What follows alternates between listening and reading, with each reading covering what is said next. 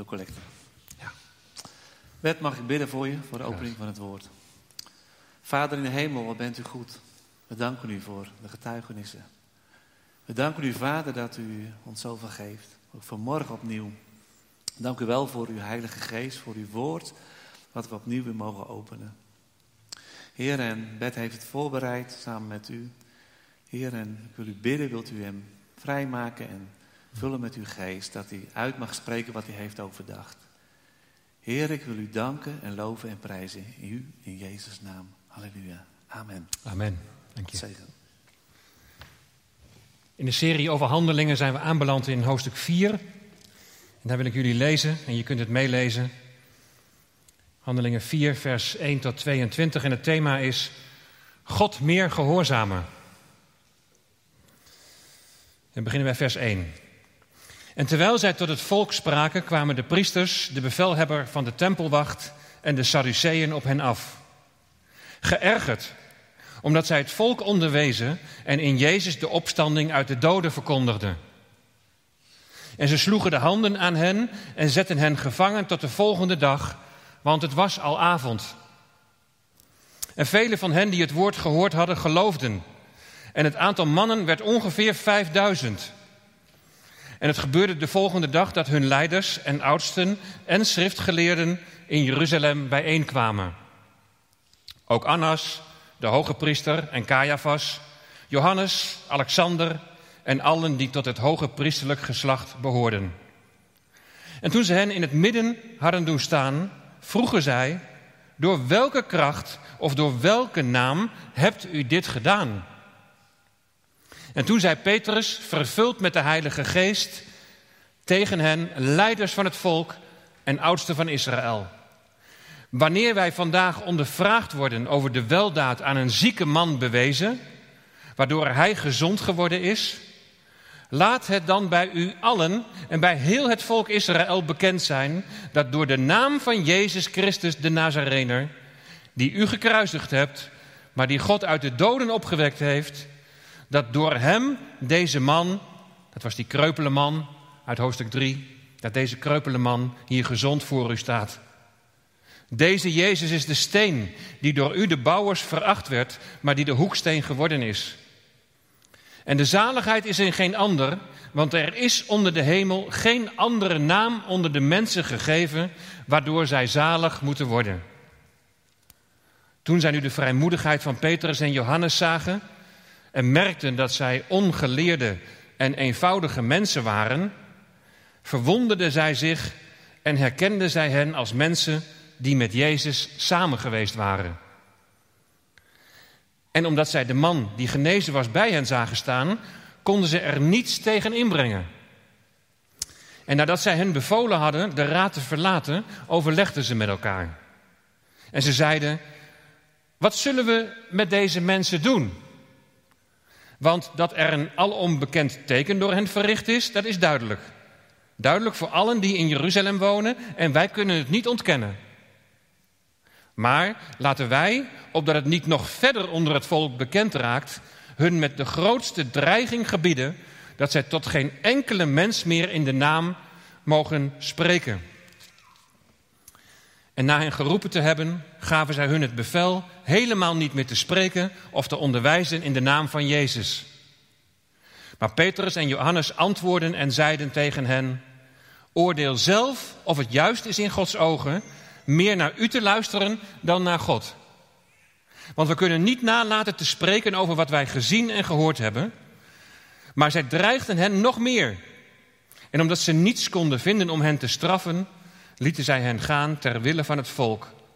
Want ze verheerlijkten allen God over wat er gebeurd was. Want de man aan wie dit teken van genezing verricht was, was ouder dan 40 jaar. Nou, na een tussenstop van drie zondagen gaan we de reis in het boek Handelingen weer uh, hervatten. En zo met elkaar, naar aanleiding van het boek Handelingen, nadenken over wat gemeente zijn nou eigenlijk ten diepste inhoudt. In Handelingen zien we de gemeente van Jezus Christus zien we in ontwikkeling. En we zien hoe de gemeente reageert op en omgaat met veranderende omstandigheden. je ziet, hoewel het toen absoluut ook niet allemaal volmaakt was, maar je ziet hoe zij in veranderende omstandigheden blijven functioneren, het niet opgeven en dat ze ondanks tegenslag die er is, blijven groeien. Zowel geestelijk als ook groeien in aantal. Nou, voordat we in hoofdstuk 4 duiken, eerst even een korte samenvatting dan van die eerste drie hoofdstukken uit Handelingen. Hoofdstuk 1. De Heer Jezus ontmoet zijn discipelen gedurende 40 dagen na zijn opstanding. En hij spreekt met zijn discipelen over het koninkrijk. En dan krijgen ze de opdracht om in Jeruzalem te wachten. Ze moeten blijven wachten opdat ze kracht zullen ontvangen van de Heilige Geest die over hen zal komen. En dan zullen ze getuigen zijn. In de eigen omgeving, in Jeruzalem en Judea, handelingen 1 tot en met 7. Dan in Samaria, hoofdstuk 8. En tot het uiterste van de wereld. En dat begint al in hoofdstuk 10 bij die Romeinse hoofdman Cornelius. Ze zullen getuigen van het komende koninkrijk. Ze zullen getuigen van de komende koning. Ze zullen de naam van Jezus zullen ze beleiden. Die nu al door de Heilige Geest in hun harten wil wonen, opdat al iets van dat koninkrijk dat komt al zichtbaar mag worden in het hier en nu. De naam van Jezus. Uw naam is als honing op mijn tong. Gaan we straks zingen. Uw naam is als honing op mijn tong. De naam van Jezus. Hoofdstuk 2, de vijftigste dag na Jezus' opstanding. Dan wordt de Heilige Geest uitgestort en zo komt God in mensen wonen. En we zien dan een nieuwe Petrus. En hij richt het woord tot Israëlitische mannen. De eerste gelovigen zijn Joden en Jodengenoten. En ze worden diep in hun hart geraakt door de boodschap van Petrus, die spreekt over Jezus sterven, over zijn opstanding en over zijn verheerlijking. En die Israëlitische mannen die op dat moment daar diep in hun hart worden geraakt, die zeggen, maar wat moeten we nou doen? En dan zegt Petrus het volgende, bekeer u en laat ieder gedoopt worden in de naam van Jezus Christus. Tot vergeving van de zonde en u zult de gave van de Heilige Geest ontvangen. De naam van Jezus. Uw naam is als honing op mijn tong.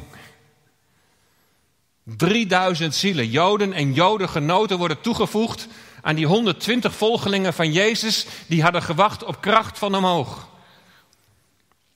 En zo ontstaat er een nieuwe stroming binnen het Jodendom van mensen die van die weg zijn.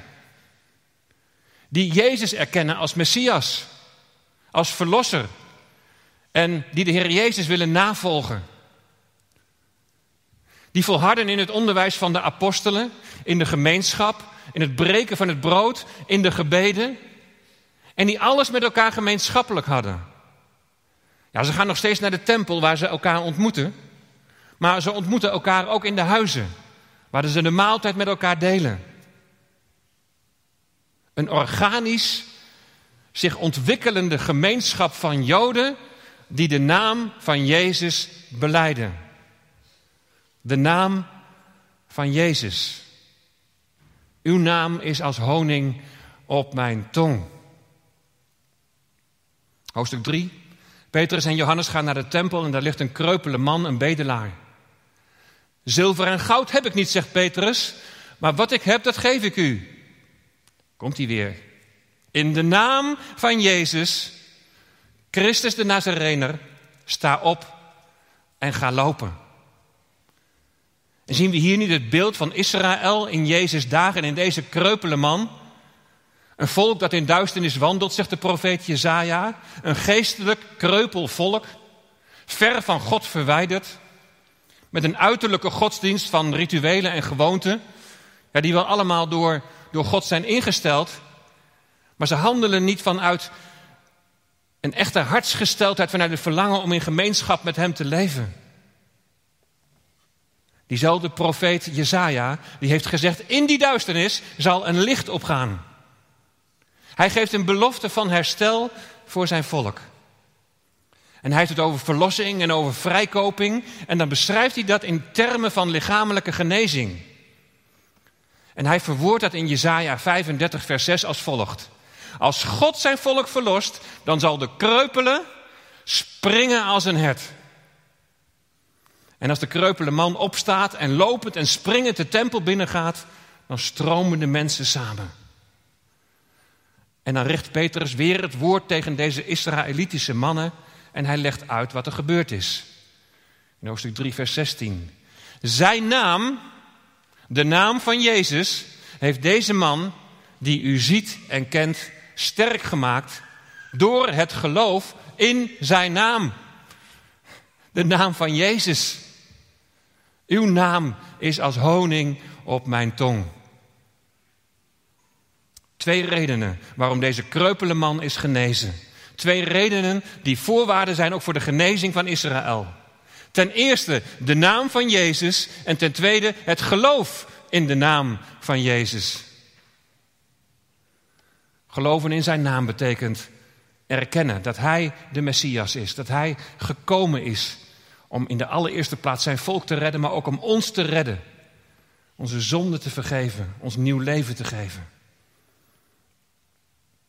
En wat het geloof betreft, dat is ook zo mooi, wat hier staat, namelijk dat het geloof er is door Hem. God bewerkt geloof in deze kreupele man. Zoals Hij straks in de toekomst ook geloof zal wekken in zijn volk. Opdat zij zullen opstaan en Jezus hen genezing zal brengen. Nou, dit zijn tot nu toe vlak, de gebeurtenissen vlak voor en de gebeurtenissen vlak na Pinksteren. Een organische gemeenschap van, van gelovigen die de naam van Jezus verkondigen. De naam boven alle naam. Uw naam is als honing op mijn tong. Dan zijn we in hoofdstuk 4 beland. Wat is er gebeurd? Wat staan die twee eenvoudige, simpele, ongeletterde mannen daar te verkondigen? Onrust in de Joodse tempel. Onrust bij de Joodse geestelijke leiders. Hier moeten ze meer van weten. Als Petrus en Johannes uitleg geven over wat er gebeurd is met die kreupele man en wie verantwoordelijk is voor zijn genezing, dan komen de priesters en de bevelhebber van de tempelwacht en de Sadduceeën, ze komen op hem af. Ze zijn geërgerd omdat ze het volk onderwijzen en in Jezus de opstanding uit de doden verkondigen. Die Sadduceeën, dat waren rijke, ontwikkelde en voorname Joden. Ze hadden heel veel waardering voor de Griekse beschaving. Ze kwamen meer uit de hogere standen dan, dan de Fariseeën. En ze benadrukten dat de mens vrij is om te kiezen tussen goed en kwaad. En daarom waren deze Sadduceeën waren hele strenge rechters. En zij geloofden niet in een toekomstige opstanding. En dat is nou juist wat Petrus hier staat te verkondigen. Een valse leer. En ze verbazen zich wel over die vrijmoedigheid van Petrus. Hoe is het mogelijk dat zo'n ongeletterde, eenvoudige man dit allemaal staat te beweren? Hij heeft geen theologische opleiding gedaan, al helemaal niet op academisch niveau. Hij is geen echte onderzoeker die al de nodige publicaties heeft gedaan en met een veelheid aan vermeldingen heeft gedaan, met, met in onze ogen betrouwbare bronnen. Op menig kansel in de kerk zou er voor Petrus geen plaats zijn. De Sadduceeën zijn onthutst. Wat moet je dan doen? In de kiem smoren. Nou, ze laten er geen gras over groeien. Petrus en Johannes worden gevangen gezet, zoals we net hebben gelezen. En de vervolging van Joodse gelovigen die, die Jezus als Messias beleiden. Hier begint het. Geen vervolging door mensen die niets met, met geloof of met religie hebben. Nee, het zijn juist de eigen geestelijke leiders. En geestelijke leiders die zich laten leiden door angst. Stel je voor dat er nog veel meer mensen dit gaan geloven en daarin zullen volgen. Als we niet oppassen, dan gaan we de controle verliezen. Help! Ze pakken Petrus en Johannes op, die zich dan moeten verantwoorden tegenover de leiders, de oudsten en de schriftgeleerden. De Joodse raad, het Sanhedrin. Ook de hoge priester die maakt daar deel van uit. En normaal ging dat hoge priester ging over van vader op zoon. Maar gedurende de Romeinse overheersing was opvolging was meer een zaak van intriges en van omkoperij geworden. Het is allemaal zo ziek als wat. Een volk dat in duisternis wandelt, een overheid die corrupt is. En, en dan ga ik direct maar even naar het vonnis. Het Sanhedrin kan niet ontkennen dat de man is genezen. Ze kunnen eigenlijk niets tegen Petrus en Johannes inbrengen. Maar dan toch een vonnis. Ze zijn bang dat deze beweging dus gaat groeien en daarom geven ze Petrus en Johannes bevel om niet meer te spreken of te onderwijzen in de naam van Jezus. En dat betekent dat zij niet meer onder vermelding van de naam van Jezus of op grond van de naam van Jezus mogen spreken en onderwijzen. Ze willen Petrus en Johannes de mond snoeren. En de reactie van Petrus en Johannes is dan als volgt. Oordeel zelf of het juist is in Gods ogen meer naar u te luisteren dan naar God. Want we kunnen niet nalaten te spreken over wat wij gezien en gehoord hebben. In dit geval zullen dus Petrus en Johannes God meer gehoorzamen dan de overheid. Wat is de Bijbel toch een actueel boek? Want dit houdt heel veel gelovigen vandaag de dag ook bezig. Waar ligt de grens dat je als gelovige God meer moet gehoorzamen dan de overheid? En vaak wordt dan Romeinen 13, vers 1 aangehaald als het hierover gaat. En daar staat het volk, volgende. Ieder mens moet zich onderwerpen aan de gezagsdragers, aan de overheden die over hem gesteld zijn. Nou, let goed op wat hier staat. Je moet onderscheid maken tussen onderwerpen, enerzijds, en gehoorzaamheid, anderzijds. Hier in Romeinen 13, vers 1 staat niet allereerst gehoorzamen, maar onderwerpen. En je onderwerpen aan, dat is allereerst een passieve houding, waarbij je de ander als jouw meerdere erkent. Gehoorzaamheid daarentegen is een actieve daad waarbij we opvolgen wat de ander ons opdraagt. Je doet wat die ander jou zegt. En normaal gesproken vloeit gehoorzaamheid voort uit onderwerping. Maar toch gaat dat niet altijd op. Gehoorzaamheid aan bijvoorbeeld de overheid heeft grenzen. Maar waar ligt dan die grens? Als je iets moet doen of laten en je daardoor ongehoorzaam wordt aan God, dan wordt het tijd om ongehoorzaam te worden aan de overheid. Je onderwerpt je wel aan de overheid in die zin dat je bereid bent om de consequenties van je ongehoorzaamheid te dragen. Nou, laten we dit even naar de actualiteit van vandaag trekken. Moeten wij door de adviezen die zijn gegeven iets doen of iets laten waardoor wij God ongehoorzaam worden? Dat is de cruciale vraag. Een predikant die zei vorige week in zijn preek, en hij heeft zich niet zo heel goed gerealiseerd dat hij op YouTube zou komen te staan en de hele wereld over zou gaan. Maar een predikant zei vorige week in zijn preek dat het tijd wordt dat wij God meer gehoorzamen dan mensen. En hij stoelde dat op de volgende tekst. En volgens hem ook het gebod. Namelijk dat we onze onderlinge bijeenkomst niet moeten verzuimen. Nou, als die onderlinge bijeenkomst alleen maar kan plaatsvinden in een kerkgebouw, ja, dan kom je inderdaad in de problemen. Maar is die tekst zo bedoeld? Dat het gaat over alleen maar het bijeenkomen in een kerk of in een kerkgebouw? Weet je, als je elkaar opzoekt in de kleinst mogelijke samenstelling. Je nodigt bijvoorbeeld twee of drie mensen bij je thuis uit. En je gaat samen de Bijbel lezen. En je gaat samen bidden. Je gaat samen je, je leven delen. Dan is dat zo'n onderlinge bijeenkomst. Dus die onderlinge bijeenkomst hoeven we helemaal niet te verzuimen. Ook al kunnen we nu met een beperkter aantal mensen samenkomen. Die mensen die van die stroming waren, die van die weg waren, die eerste gelovigen, die kwamen dagelijks bijeen.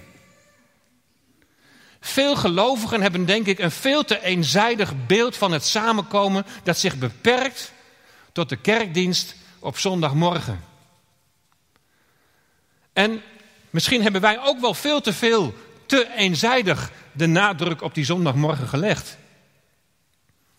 We hebben wel huiskringen, maar die plek van samenkomen is voor velen nog vrijblijvender dan het samenkomen op de zondagmorgen. Wat deze tijd ons leert, is om onszelf als gemeente af te vragen of de kleinere groep niet een grotere plaats zou moeten innemen. Opdat we onze onderlinge bijeenkomst niet verzuimen. En weet je, dat hoeft nog niet eens een georganiseerde huiskring te zijn. Met organisatie is niks mis en, en zoals we het met de huiskringen doen is niks mis, maar dat hoeft nog niet eens georganiseerd te zijn. Maar dat het gewoon iets is wat, een, wat ingebakken in ons zit. Als een verlangen. Ik wil mijn broers en zussen ontmoeten. Op wat voor manier nou ook. Of de kerk dat nou organiseert. Of niet. Je nodigt elkaar uit. En dan in een heel klein verband. En je praat niet de hele avond over corona. Of wat broeder A ervan vindt. Of wat zuster A, eh, B erover heeft gezegd. Maar zoals gezegd, je deelt je leven met elkaar. Je leest samen uit de Bijbel, je bidt samen. En laat dit de onderlinge bijeenkomst zijn die je niet wil verzuimen. En dan kun je zelf je eigen initiatief innemen. Door daarin mensen uit te nodigen. De adviezen van de overheid dwingen ons niet om ongehoorzaam te zijn aan God. Je kunt van mening verschillen over de ernst van de situatie. Je kunt van mening verschillen over de betrouwbaarheid van testen. Je kunt erover discussiëren of cijfers wel kloppen. Of regeringsleiders wel capabel en of ze wel eerlijk zijn. Je kunt discussiëren over mogelijke verborgen agenda's en beïnvloeding van de Wereldgezondheidsorganisatie. Je kunt van mening verschillen in hoeverre hier machten en krachten achter zitten. Die bewerken dat wij onder het mom van veiligheid en gezondheid onze privacy steeds meer opgeven. Maar is het de bedoeling dat we elkaar gaan verliezen in die meningsverschillen? In de Bijbel lees ik over Gods plan. Dat de schepping van de heerschappij van de Satan zal worden verlost en dat Jezus Christus zal regeren. In de Bijbel lees ik ook over de mens die zich naarmate dit moment steeds verder nadert, zich afkeert met alle gevolgen van dien. De mens die de schepping uitholt. Een schepping die zucht in al haar delen. Weeën die over de aarde komen, zoals je in Matthäus 24 ook kunt lezen over epidemieën. Er zal corruptie en verleiding zijn, want Satan is de vader van de leugen en hij regeert. Maar is dat alles waar wij dan tegen moeten vechten? Waar we precies de juiste mening over moeten hebben? Het resultaat wat ik ervan zie en hoor is dat in sommige gevallen de uitwerking is dat het juist strijd geeft tussen broeders en zusters in dat ene lichaam. Discussies over je wel of niet aan de maatregelen houden, waarbij de onderlinge liefde en de verdraagzaamheid ver te zoeken is. En juist in een tijd waar het voor iedereen ja, zo belangrijk is, of je zoveel behoefte hebt aan een stukje wederzijdse bemoediging, lukt het die Satan in bepaalde gevallen, die diabolos, heel aardig om juist verwijdering te brengen. God meer gehoorzamen. Weet je, wat wij nu meemaken is van een hele andere categorie dan Handelingen 4. Ik zou zeggen, verleg je focus als je met al die andere dingen bezig bent die ik net heb genoemd. Verleg je focus. En ga verkondigen dat de mens die steeds meer verstrikt raakt in zijn eigen verderf, dat hij verlossing nodig heeft.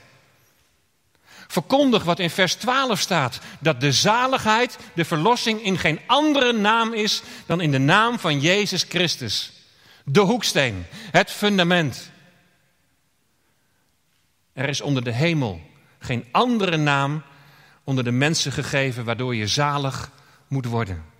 Geen andere naam dan de naam van Jezus. De naam boven alle naam. Uw naam is als honing op mijn tong. Wat ligt er op jouw tong? Waar je hart vol van is, daar stroomt je mond van over. Ga spreken en onderwijzen in de naam van Jezus. Op gezag van zijn naam. Dat betekent dat je een boodschap van hoop brengt. Dat is Gods liefde en genade verkondigen en in, in je eigen leven laten zien hoe Hij dat in jou uitwerkt.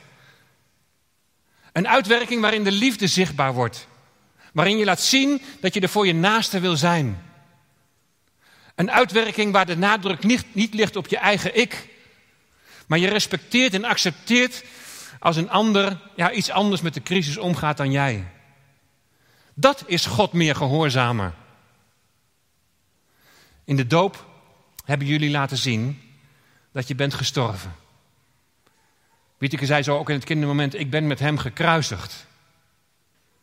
Je bent gestorven, gekruisigd aan je eigen ik, dat ver van God verwijderd was. Je bent gestorven aan je eigen belang, aan je eigen gelijk. En door geloof in de Heer Jezus Christus vindt er een hartsverandering plaats. En ik ga besluiten met vers 13. Het laatste gedeelte daarvan. Daar staat namelijk dat die geestelijke leiders Petrus en Johannes herkenden als mensen die met Jezus samen geweest waren. Hier zal bedoeld zijn dat ze gezien hebben dat ze fysiek in Jezus aanwezigheid waren en dat ze met Hem zijn opgetrokken. Maar toen ik dat las, toen vertaalde ik het voor mezelf even geestelijk. Wat zou ik graag willen? Dat mensen mij herkennen, of dat ze ons zullen herkennen als mensen die met de Heer Jezus zijn geweest. Die dagelijks met Jezus optrekken. Die bidden in zijn naam. Die zijn naam verkondigen. Dat zijn naam als honing op je tong zal zijn. Dat mensen zullen zien dat wij met Jezus omgaan. Omdat zijn karakter, en we noemen dat de vrucht van de geest, dat zijn karakter steeds meer zichtbaar wordt in ons. Laten we daarin God meer gehoorzaam zijn. Spreek in zijn naam, verkondig zijn naam. Dat is God gehoorzamen. En jullie mogen alvast komen. Want we hebben geen afstemming gehad, maar wat, wat een prachtig lied om, om mee te besluiten. Naar aanleiding van deze verkondiging. Jezus, heilige gezalfde Heer. Jezus opgestaan, verhoogd als Heer. Uw naam is als honing op mijn tong. Uw geest is als water voor mijn ziel. Uw woord is een licht op heel mijn pad.